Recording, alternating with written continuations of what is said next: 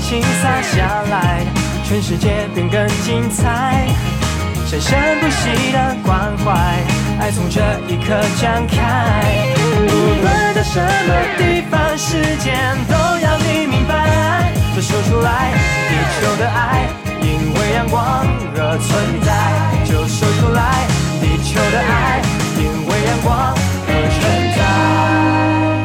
Sobat semua pendengar siar Radio Taiwan Internasional program Bahasa Indonesia. Apa kabarnya kalau muda ketemu lagi dengan gue Pung di sini seperti biasa hari Kamis harinya mantek dan 10 menit ke depan gue akan bagian informasi seputar berita-berita yang ada di Taiwan, Indonesia maupun juga mancanegara. Berikut eh, berita-berita yang akan gue bacakan dan semoga bisa menghibur teman-teman semua. Langsung aja di informasi yang pertama, ngengat bantu penyerbukan tanaman penjaga keseimbangan ekosistem yang ada di belakang layar. Info selengkapnya. Lebah dan kupu-kupu dikenal sebagai binatang yang membantu ekosistem dan kelangsungan hidup flora dengan bantuan dalam proses penyerbukan. Bagi kebanyakan orang, dua jenis serangga ini lebih dikenal oleh publik. Akan tetapi, ngengat juga merupakan agen penting bagi proses penyerbukan tanaman.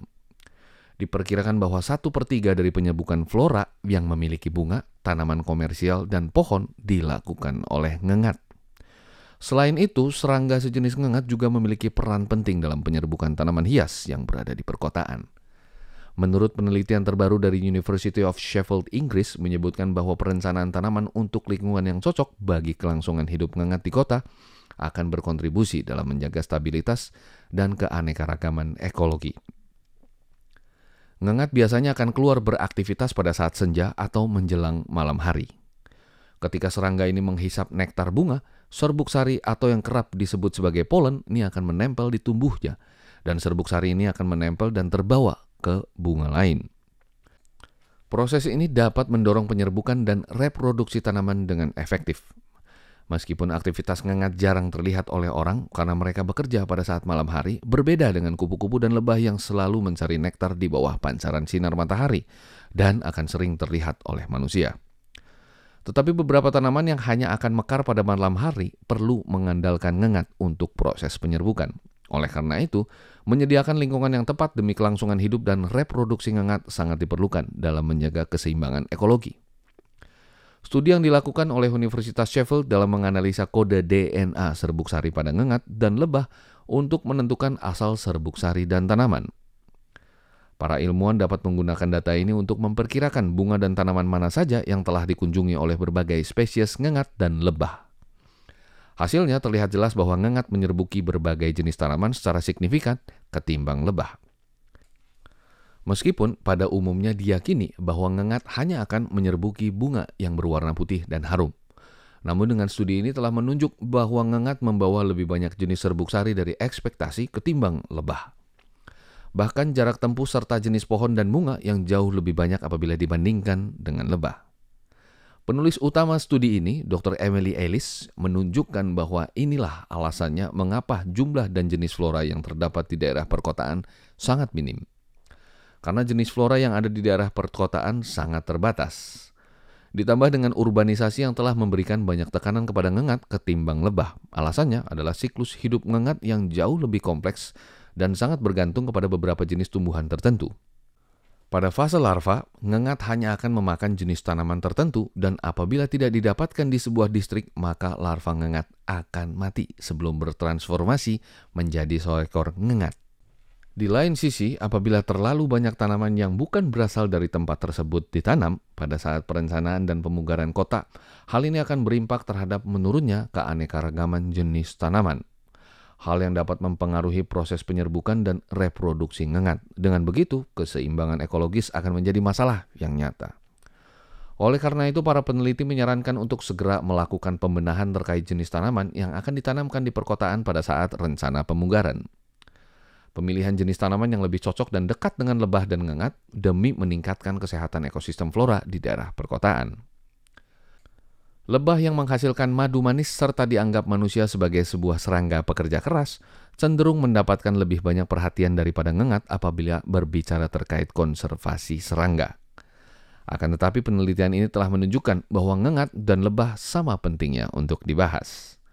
Kedua serangga ini bukan hanya penting untuk menyerbukan tanaman, tetapi juga menjadi salah satu rantai penting dalam rantai makanan binatang lainnya seperti burung, kadal, kelelawar, dan lain-lain. Namun, gegara informasi dan pengetahuan manusia yang terlalu minim akan serangga ini, ditambah dengan pengembangan lahan yang berlebihan, polusi pestisida, polusi cahaya yang ada di masa lalu, hingga saat ini jumlah populasi ngengat sudah sangat berkurang.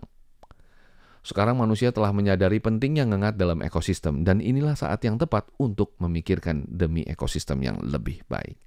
Oke, itulah tadi informasi pertama kalau muda. Berikutnya, usungkan tiga hari libur per pekan. Netizen jadikan Taiwan sebagai negara pertama di Asia. Informasi selengkapnya. Partisipasi publik terhadap sebuah jajak pendapat via daring dengan pengusulan. Jadikan Taiwan sebagai negara pertama di Asia yang memiliki liburan tiga hari per minggu mendapatkan respon yang cukup berbeda antar netizen. Lebih dari 5.000 tanda tangan yang telah terkumpul secara digital pada tanggal 26 Juni 2023. Tanggapan dari Departemen Sumber Daya Manusia dan Kementerian Tenaga Kerja merilis sebuah tanggapan resmi.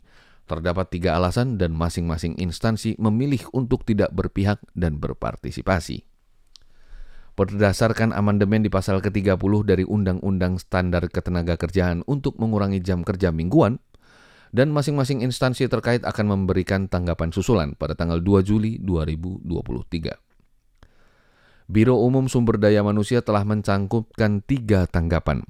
Yang pertama adalah dengan mempertimbangkan terkait kehidupan keseharian warga, bisnis operasional, penjadwalan transportasi umum, valuta asing, transaksi pasar saham, hak siswa, dan dunia pendidikan, serta lainnya. Di mana hal ini akan saling bergantung satu dengan yang lain, maka dengan dampak yang cukup luas, pertimbangan ini perlu diperencanakan lebih baik dan sangat matang antar sektor. Kedua, saat ini belum ada pengalaman di sektor publik dan swasta di negara lainnya yang telah sepenuhnya melakukan penerapan libur mingguan sebanyak tiga hari. Hanya ada beberapa kasus di mana beberapa lembaga pemerintahan yang telah mencoba menerapkan liburan mingguan sebanyak tiga hari. Hasilnya tidak berpengaruh pada efisiensi dan operasional. Data dari jajaran administrasi pemerintah dan kesehatan staf serta pegawai tidak menunjukkan sebuah analisis statistik yang dapat dijadikan sebagai referensi. Yang ketiga, instansi pemerintah bertanggung jawab untuk melaksanakan tugas publik dan harus menjaga kualitas pelayanan kepada masyarakat sebelum kondisi dan langkah pendukung untuk administrasi publik. Industri, pendidikan yang belum selaras dan terkesan tidak tepat sasaran. Biro Umum Personalia dan Administrasi menyatakan bahwa setelah berkonsultasi dengan berbagai instansi terkait telah merumuskan sebuah kesepakatan. Di mana mayoritas suara terbanyak adalah tidak setuju dengan usulan tiga hari libur per pekan dan memilih untuk tidak berpartisipasi dalam pengambilan keputusan. Kementerian Tenaga Kerja menyatakan bahwa setelah melakukan diskusi dan pertemuan dengan instansi terkait, sepakat bahwa libur tiga hari per minggu tidak hanya melibatkan perubahan dan revisi dalam berbagai undang-undang, serta regulasi dari berbagai distrik dalam negeri. Akan tetapi juga akan mempengaruhi administrasi dari pemberi kerja serta karyawan, ekonomi negara yang akan berdampak secara keseluruhan, transportasi publik, tenaga medis, keamanan publik, serta dengan pendidikan siswa.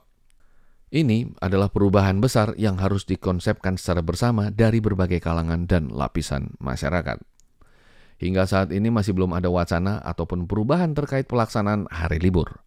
Namun untuk memperkuat hubungan antar berbagai lembaga publik masih akan terus dilakukan diskusi secara terbuka yang akan diselenggarakan oleh pemerintah demi regulasi yang dapat mencakup dan merangkul berbagai kalangan masyarakat serta menciptakan sebuah lingkungan pekerjaan yang lebih ramah dan baik. Oke, kalau muda sepertinya udah di penghujung acara. Itulah tadi berbagai informasi yang disampaikan pada minggu ini. Berikutnya langsung aja kita tunggu dan juga kita dengarkan musika klasik yang akan dibawakan oleh Kak Maidin. Semoga informasinya bermanfaat dan kita akan ketemu lagi di pekan depan. Ingat happy itu simple dan simple itu happy. Salam hangat dari gue. Sampai jumpa lagi. Bye. 把心打开，就是现在，有你我的爱，灌溉着地球小孩，快多吃点菜，不用做交代，世界会变得可爱，把爱传出。